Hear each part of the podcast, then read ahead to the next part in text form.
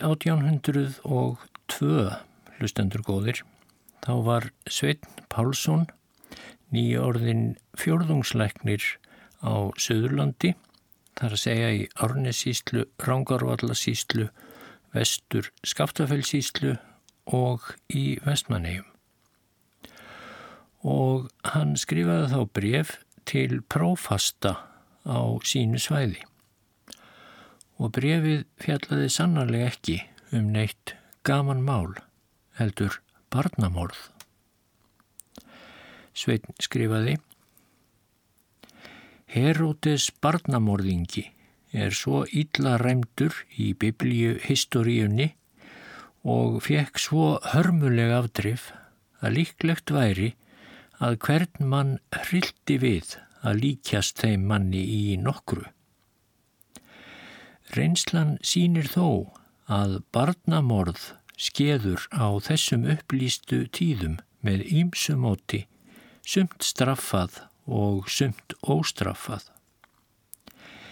Ekki tala ég að þessu sinni um þann almennasta máta þar til, svo sem morð eftir dulsmálsfæðingar og fósturdrif, ekki heldur um lífstittandi líkamlegt barna uppfóstur margra eða þann þekkingarhátt að börnum sé eigi verðt lækningar að leita og þau séu sæl ef þau degi sem fyrst. Heldur tala ég nú um einn þriðjamáta sem nærfelt tekur hinnum fram og líðst þó óstraffaður. Það verður að segja svo hverja sögu sem gengur. Á ímsum, að þessu sinni ónemdum stöðum, hef ég þess vísorðið að ekki einasta kjörnar yfirsetu konur heldur og þeir sem sig gáfu út fyrir fæðingarhjálpara, bæði karlar og konur, vila ekki fyrir sér, máski laungu áður en náttúrlegur og léttur fæðingartími er kominn, annað hvort af heimsku fullri ræðslu um ómögulega fæðingu, ellegar bara til að gera sér nafn, að myrða fóstrið með fullu fjöru í móðurlífi, annað hvort með eigin höndum, eður og verkfærum til að geta dreyið að út þess léttar og, sem þeir meina, bjargað með því lífi móðurunnar en brúka við þetta svo blóðugar handatiltektir að hverja lífandi tungu hryllir við að tala þar um. Og hvað meira er, ef finnst skildu þeir fávísir meðal presta sem ekki einasta heldu með og í forsvartækju þessa ódáð heldur skipuðu yfirsetu konum þannig að lauga hönd sína í saklausu blóði. Þessir morðingjar sem svo ítla taka fram fyrir hendur á guði og góðri náttúru eru helst of fávísir til að skera úr þeirri í yfirsetu kvennafræðinni þingstu spurningu sem sé hvort sé meira verðt líf fóstursins eður móðurunnar og ætti bæði að straffast og forbóðast að hræra jafnvel við skínlausum skeppnum í burðarnauð. Bæði manneskjuleg tilfinning mín og ennbætti skilda þrýsta mér til að snúa mér um þetta efni til yðar vel æruverðugu prófasta. Þess heldur sem ég veit vissar að því er munið ekki tefja að benda viðkomendum í yðar prófaststæmi til að koma í vekk fyrir þetta guðleysi og klaga það fyrir veraldlegu yfirvaldi ef framar verður uppvíst. Hvar til Ég hér með legg mína innilegu bón og undir eins að yfirsetu konum tilhaldist í hverri sókn að æfa sig vel og yfirheyra láta í sinni kunst og yfir höfuð skikka sér svo í því líku að forsvarað geti bæði fyrir Guði, mannum og sinni eigin samvisku og svo framvegis.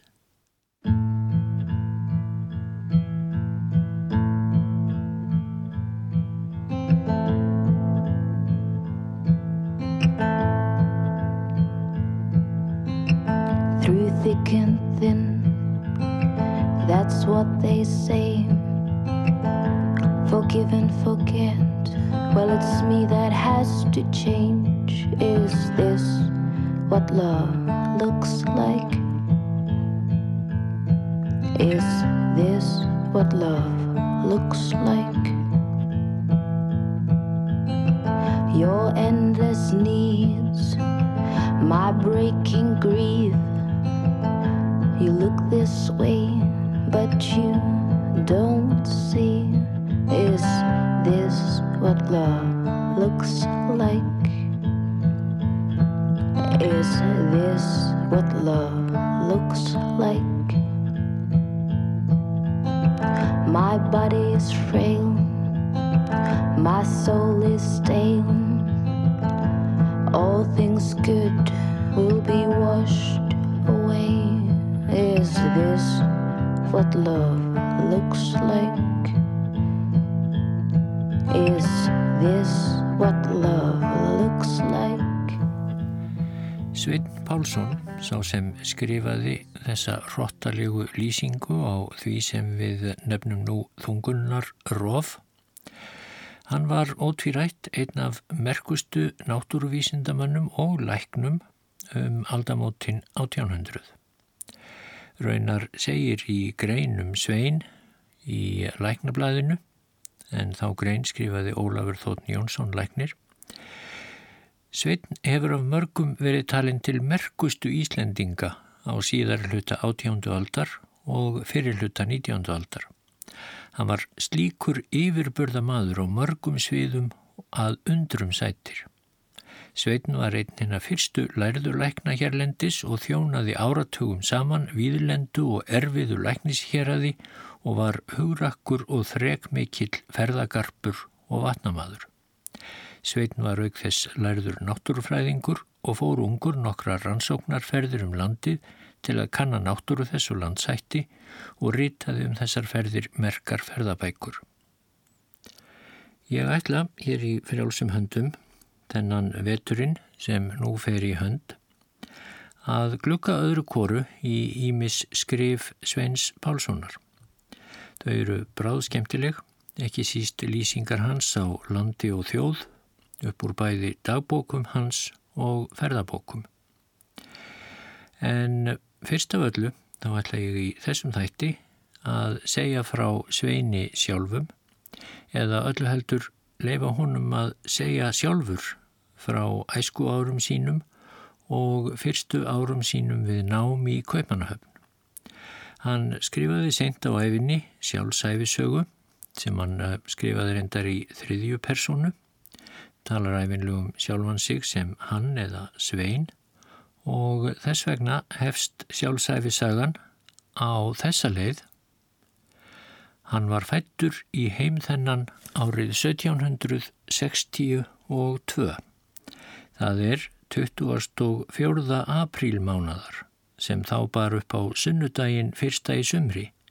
Hann fættist að steinstöðum í Tungusveit og Skagafyrði réttum dægramótin og var fyrsta hjónabandsbarn heiðurs og digða hjónana þar, Páls Sveinssonar, nafnkends fjölsmiðs á þeirri tíð og Guðrúnar Jónsdóttur var barn þetta skýrt sama dag í messunni að reykjum af sér að Jóhanni Kristjánsinni að mælifelli.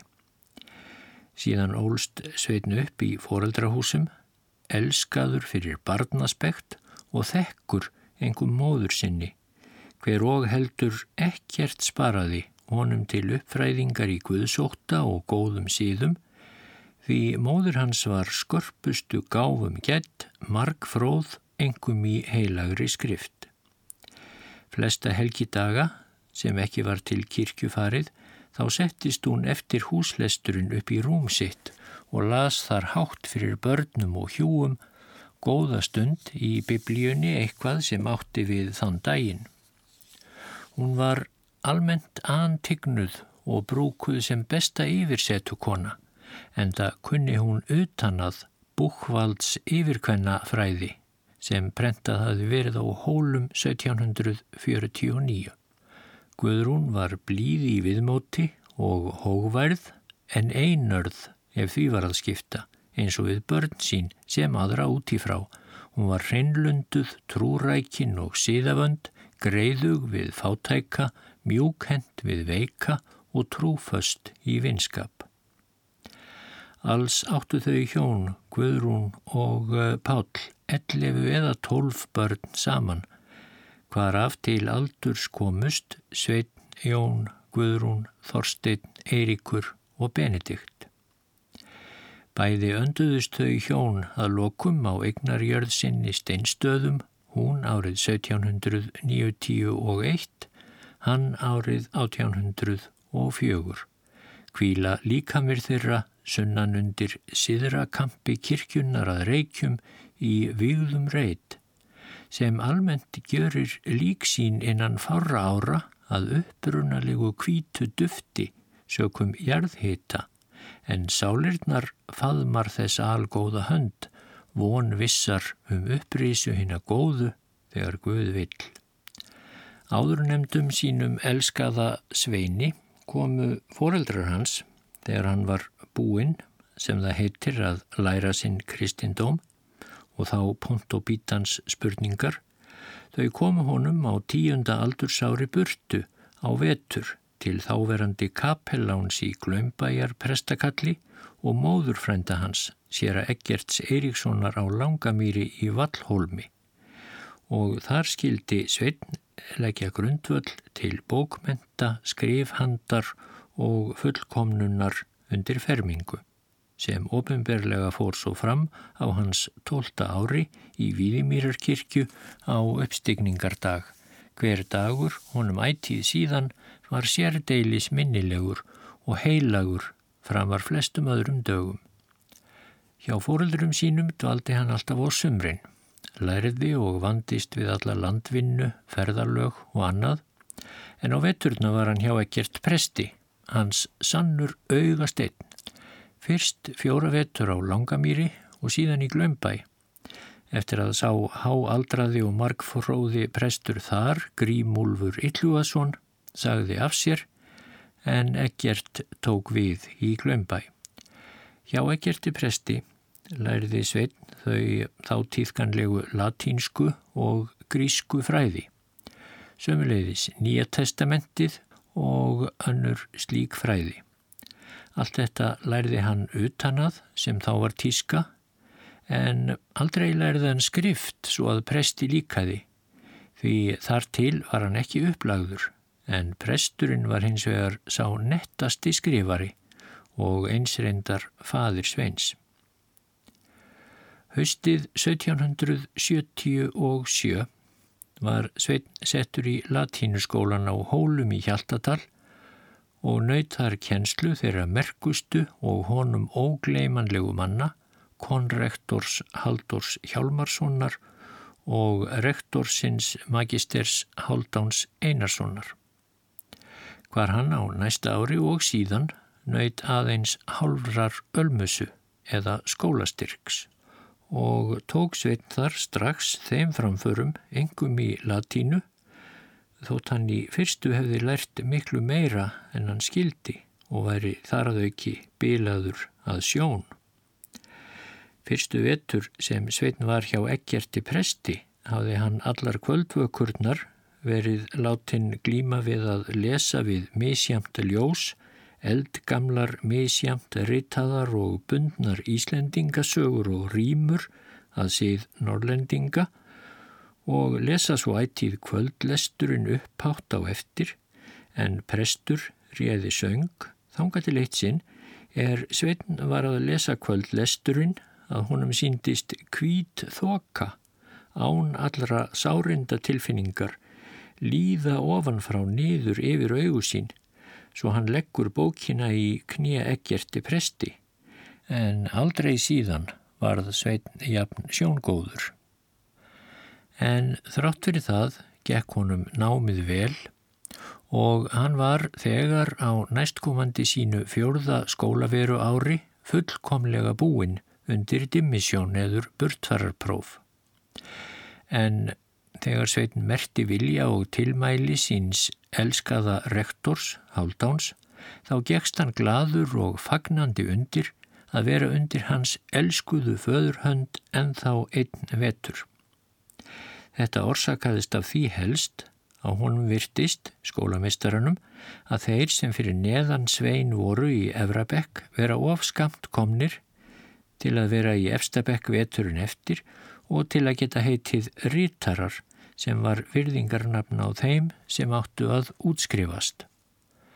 Oft mátti síðan heyra Svein segja að hann áliti þennan auka vetur vera ununnar samastan í öllu sínu lífi. En loksins eftir fimm skólaár útskrifaðist hann með besta en skrum minsta vitnisspurði síns góða rektors. Það var vorið 1780 og 2 þegar Sveitin var á 20. ári og ætlaði hann þaðan af að stunda og styrkja og stunda foreldra sína með aðlefli hver nú engum móður hans þjáðist af brjóstveiki. Þau voru bæði farin mjög að lasnast.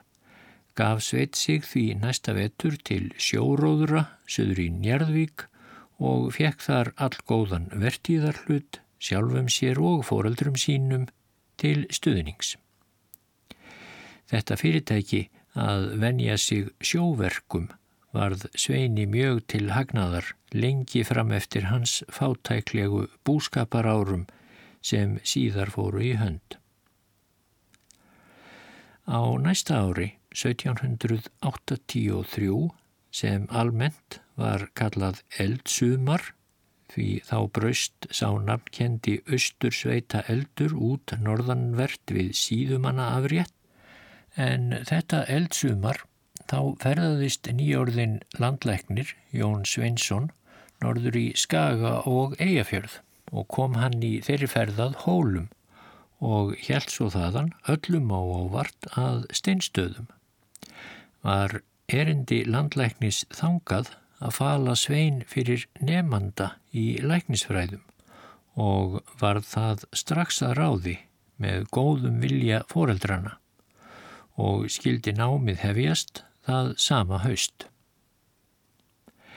Gjörði þar og mikið til að landlækni hafði á hólum verið vísað á þennan pilt og ættingja sinn sem ekki ólíklegastan til náms í læknisfræðum.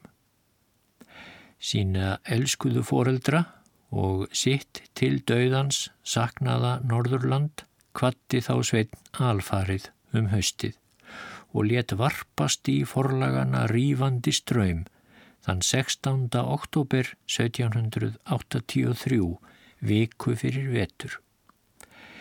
Byrjaði hann ferð sína söður sandveg, hrefti snjó og frostbíl norðan blöndu og komst ekki yfir sandin fyrir þann 21. oktober og í mestu lífshættu komst hann að húsafelli þann 20. og 5 var það um þær myndir kallað dæmafátt að komast með hesta þennan veg um samaleiti árs og í tungls leysu en flýtur meðan ekki sekkur og Sveitn komst sína leið.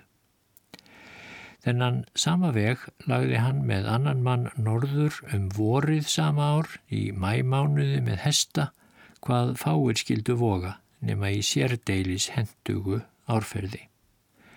Samferðamenn Sveins þetta haustið 1783 voru Jón Bundi frá Dúki í Sæmundarhlýð, hans verulegur feildarmadur og svo Hallgrímur nokkur Þorsteinsson á Eyjadalsá, apotekarasveitn frá Seltjarnarnesi sem ætlaði að sigla til Kaupanahafnar með fyrstu ferð en hafði brúði sér norður að hvaðja fóreldra sína um haustið. Hallgrímur þessi sammæltist við Svein í norðurferð sinni og beigð Svein hans á aðra viku en sama dag sem Svein fór á stað kom Hallgrímur að steinstöðum um kvöldið, fekk sér fylgjara, eldi Svein uppi og náði honum í svo nefndum svartárbugum þá um nóttina.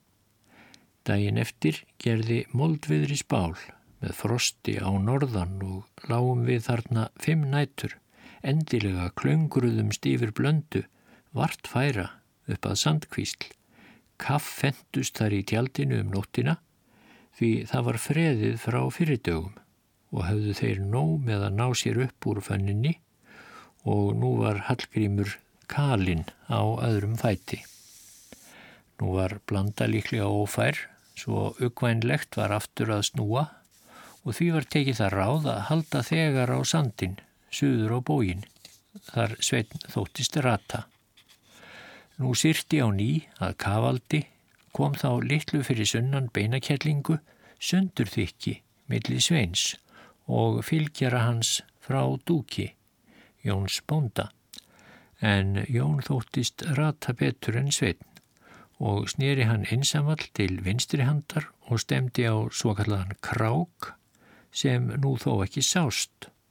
Sveitn helt hins vegar sína stefnu þar til hann, til lukku, grildi í Ólafsvörður sem svo eru kallaðar og vísa veginn yfir sandin en Hallgrímur var þá orðin svo vesæl að hann gatt varla fylgdónum. Rétt í þessu þá hóar Jón frá dúki hins vegar í sífellu þar einhver staðar nærri og gegnir sveitn honum öllu einu sinni. Hittust þeir svo aftur við Ólafsverðurnar. Nú var ekki annað fangur á þenn halda áfram í bylnum og liggja úti í þessum slettingspilum nóttina því að engin vissi hvar veiðimannaskáli borgfyrðinga við Arnarvatn var fyrir en þar tókað gelta hundur. Voru ferðamenn þessir þar hríð teftir í tvær nætur við góðan greiða veiðimanna sem voru í skálanum. En annar af félögum eh, Sveins hafði kalið yllilega svo til skemda var á sandinum. En að lokum komist þeir til húsafells eins og áður greinir en þar bjós á nafnkendi prestur Snorri Björnsson frægur fyrir líkama burði sína ekki síður en sálar gáfur. Á húsafelli dvöldu þeir félagar til 4. november en náðu svo loks að nesi við Seltjörn sem þá var kirkjustadur og frí bújörð bæði landlæknis og apotekara en er nú orðið bændasettur. Þánga náðu þeir þann 11. november og þar var á móti sveini tekið báðum höndum og þar naut hann sama elsku ríkis í þau fjögur ár sem hann varðar við nám hjá Jóni Svensinni landlækni. Jón var hinn þólinnmóðasti og jafnlindasti kennari sem umgetur og húsfreyjan Guðrýður Sigurðardóttir svo allra tryggðafastasta sem Sveitn komst í kynni við. Það var nokkuð í frásögur fært af þeim sem þekktu tvíbíli apotekarans og landlæknisins í Nesi að þar væru gerðnan deilur millið þeirra. En það var í annála fært hvað vel sveini tókst að koma sér að lokum vel við alla þar á bænum. Þótt sömur fyndust er heldur álitu svein kænan en hitt bæði þá og oftar síðan.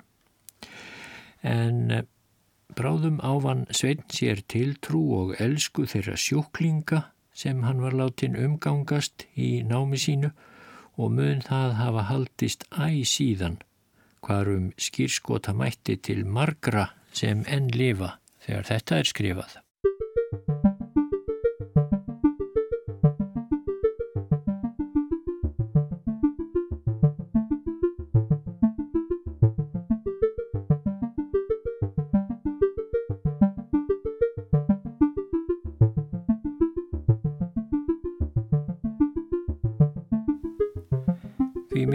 Fjallaði Sveitn Pálsson í sjálfsæfisugu sinni ekki meira um námsár sín á Seltjörnarnesinu hjá Jóni Sveinsinni landlækni og hefði þó verið verulegur fengur í að heyra lýsingar hans á ástandinu í samfélaginu næstu árin þegar hörmungar móðuharðindana geisuðu sem harðast. En hann tók aftur upp þráðinn í æfisögunni þegar námsárum hans hjá Jóni Sveinsinni var lokið og hann held þá utan til Kaupmannhafnar til frekara náms. Hann segir í sjálfsæfi sögu sinni með byrjun ársins 1787 þá gaf landlæknir Sveinsson frænda sínum Sveini í val hvort hann vildi heldur láta prófa sig í livjafræði og handlækningum hér eins og þá var títum þá sem höfðu lært hjá landlækni á Seltjörn og býða síðan uns eitt hvert af fjórum fjórðungslæknisembættum yrði löst og liðugt, ellegar hvort hann vildi sigla til Kaupinhafnar og ganga þar háskólavegin í gegnum og að því valdi sveitn það síðara. Þótt örbyrð hans væri slík að hann vissi að það yrði honum erfitt en hann valdi það þó bæði að því hann vissi það heldur í vilja húsbúnda sínum sem og eitt að hann hafði bæði list til framfara í lærdómi og líka nýjungagirind en þetta hvortvekja var þá full vaknað í honum ferðaðist Sveitn þá norður í Skagafjörð að kveðja sína elskuðu foreldra og móður sína í síðasta sinn. En þótt hún hjarði með veikan mátt fram á árið 1790 og 2 þá sáust þau aldrei síðan. Þann 7. ágúst 1787 sigildi Sveitn með fálkaskipi undir skipstjórn kafteins Kramers frá Reykjavík. Láfið að skipið tapaðist á leiðinni vegna misreiknings pólhæðar af stýrimanni þá skipið lendi í sterkasta norðan vindi. Um nóttina eftir vissu skipferjar ekki betur en þeir væri komnir fram hjá Hjaltlandi en í dögun þess 20. og annars ágúst vildi til lukku að undir eins og eh, til sást og eh, sást að skipið var komið inn í mjótt sund og hamrar á báðar síður og allt í kring, sker og bóðar, þá komu skipfyrjar auga á menn með flagstöng í hendi á landi sem bentu skipinu og góða höfn þar sem lenda mátti og var þetta norðanvert við Hjalland.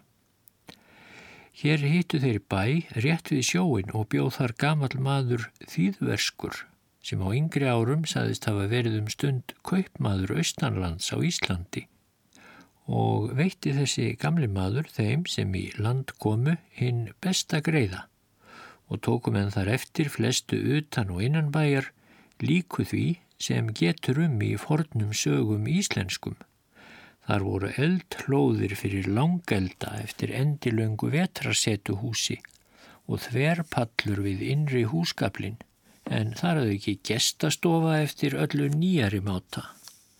Legurúm heimafólks voru meðfram annari hlýð eldaskálans. Þanghlaðar á hlaðinu voru til eldiviðar líkt og söðurnesjum en ekki sást þar mór en það var þarna hrjóstrugjörð og mjög grítt svo langt til sást frá bænum.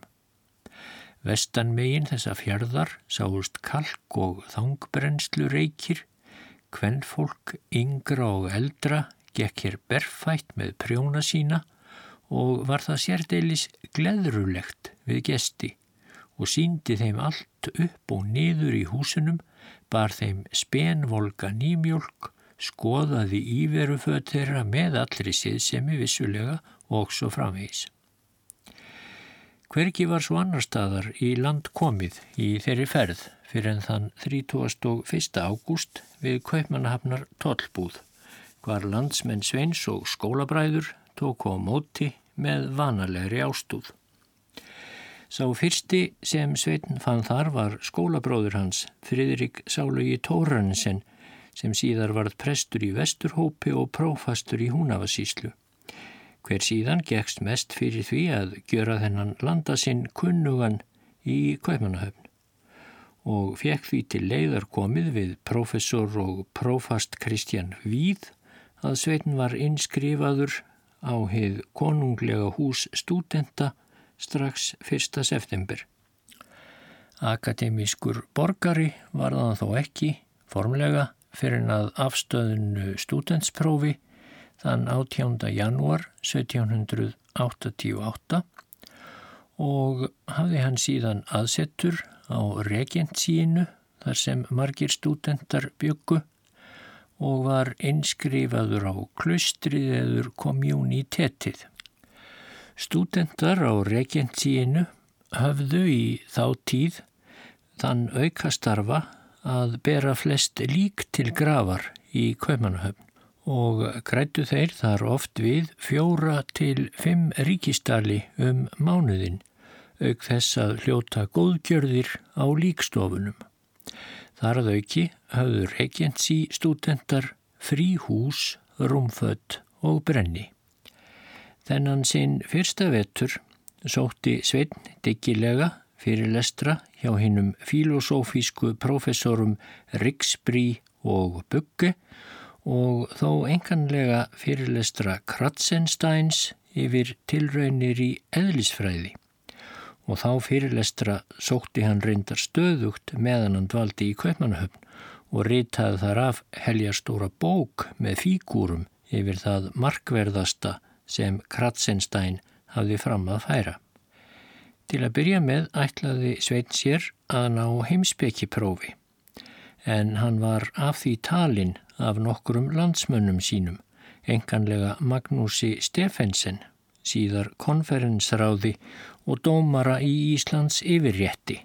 Magnús var ódöðlegur lærdums, elskari og nærgætnasti merkismadur og hann áleit Svein að vonum svo fátækan að hann mætti enga tíð missa frá sínu handlækninganámi og taldi honum þá trú að ef hann sækti um það til konungs þá myndi konungur gefa honum eða láta hann njóta þeirra fengnu námst styrkja í þrjú ár þóttan tæki ekki fleiri undirbúningspróf. Og forlaugin réðu því náttúramannsins var þess sinnis að taka því sem sjálfkrafa byðist en ala ei önn annars morguns. Og þar áður sagði styrkur, fjekst svo strax fyrir tilstilli sáralækna skólans og frá því öndverðuglega í júnimánuði 1789 gekk Sveinn daglega á þá kýrúgísku síðu á Fridriks hospitali og lærði þar undir þeim góða ódöðlega professor Vindslöf hverjum hann sérdeilis var falin á hendur af eh, Jóni Sveinsinni landlækni og hyrði hans ágætu fyrirlestra svo vel þar sem á Akademíusalnum og var Sveitnirendar sá einasti af tilheyrendum þessa mikla manns sem daglega teiknaði á blað með blíjandi, lærdóma hans úr kurjum fyrirlestri og hreinskrifaði sama kvöld heima hjá sér á regjensíinu, sér og lagsbræðurum sínum til þjenustu. Ekki lagði Sveitn lagsitt við marga í höfuðstanum nýja sló sér neitt út framfyrir það sem hans nám útkrafði.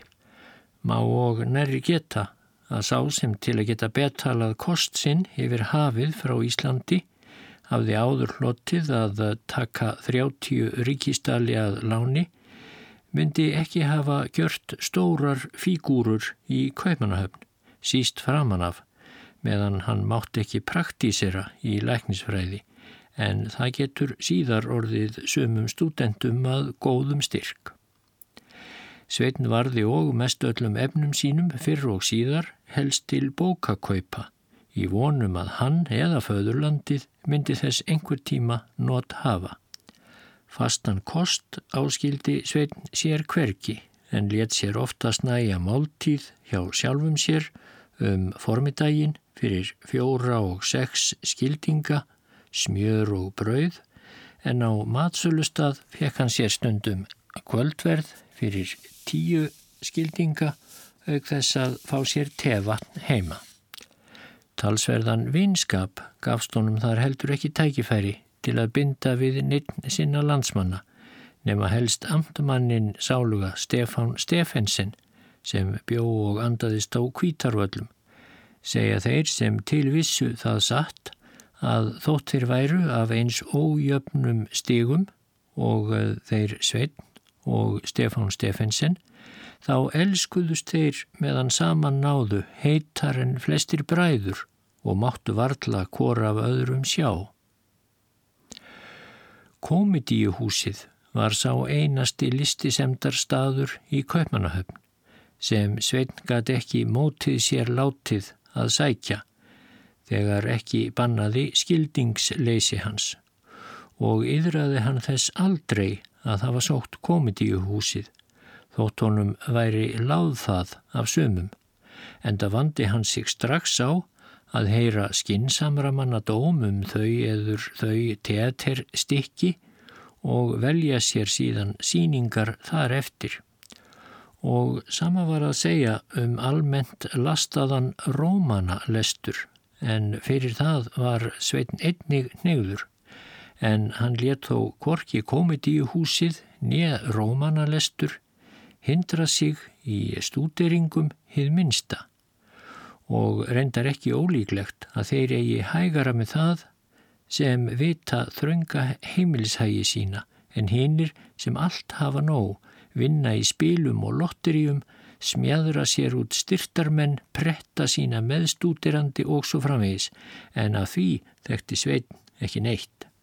Að geta ekki vegna aldurs, tíma og fátæktar tekið ofurlilla hlutild í neinu af því ótölulega marga indæla og undir eins veglega í Kaupanahöfn til dæmis söng og hljóðfæralist, dansi, lifandi tungumálaeðkun, nýtsumum reysum til lands og sjávar, teiknaralist og svo framvegis, samt fátt eitt séð af þeim ótölulega kunstverkafjölda er í þvílikum stöðum og löndum standa til bóða en oss Íslendingum alls ekki býðist, en vera þó ekki óupplagður til margs af því hvað fleirum er virt til óstöðuleika, það sínir því líkum fyrst fyrir alvöru hver bátt sé að vera fátækur. En heppin er sá sem þá lætur það og gengur þann skemsta sinn vana veg en sér við afstígunum sem þó vilja vera margir á báðar hendur. Í Kaupanuhöfn vissu allir að sveitin var bláfátækur og aðstóðar laus að heiman, en þó var hann af sínum meðstúterandi aldrei vanvirtur og heldur ekki þótt hann sneitti hjá ímsum hingað lútandi tilbóðum og tækifærum sem þeim sem áttu meira fjemilli handa böðust. Og nýja heldur var Sveini bröðið þar fyrir um sérlindi eins og hann líka af sömu orsök var frýr fyrir öllum átróðningsvinum. Aðal feill Sveins sínist um þessar myndir hafa verið að taka of einfallega og trúgirnislega því sem næst var hendinni án mæðandi íhugunar þess ókomna og útfallsins.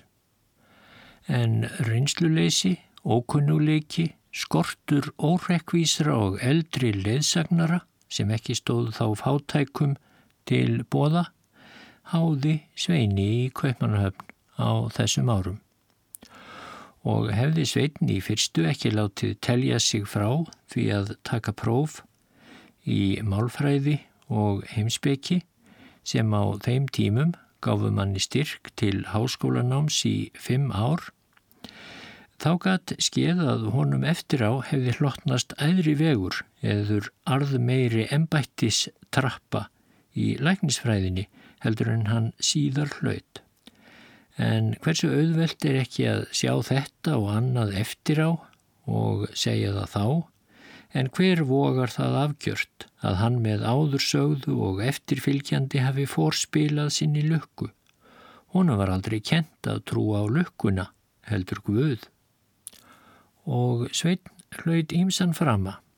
Máti hans að tekna á blað með blíjantspenna á flestum fyrirlestrum sem hann gekk á og hrinskrifa á kvöldin heima Ávan honum bráðlega hilli hins mannkæra og aldrei gleimanlega hálærða professor Val sem ekki einungis tilbauð sveini og opnaði prívat aðgang til sín og daglegan umgang nær sveitin vildi í sínu húsi heldur yfirlas professor Val oft og tíðum og leðrétti hans heimastíla og samt liði Sveini sitt handrit hvert sinn sem hann hindraðist frá að heyra hans fyrirlestra af einhverjum ástæðum.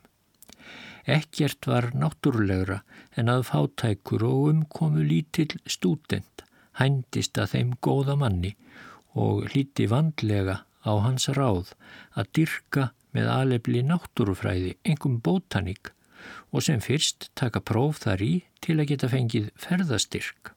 Þeir styrkir stóðu mönnum til bóða sem vildu rannsaka náttúru á helst fjarlægum slóðum. En uh, góðvild professors Vals og til trú á Sveini gekk jáfnvel svo vítt að sumarið 1790 fól hann konu sína ólétta Sveini til aðgæslu meðan hann, vísinda vegna, ferðaðist til Lunds á Skáni.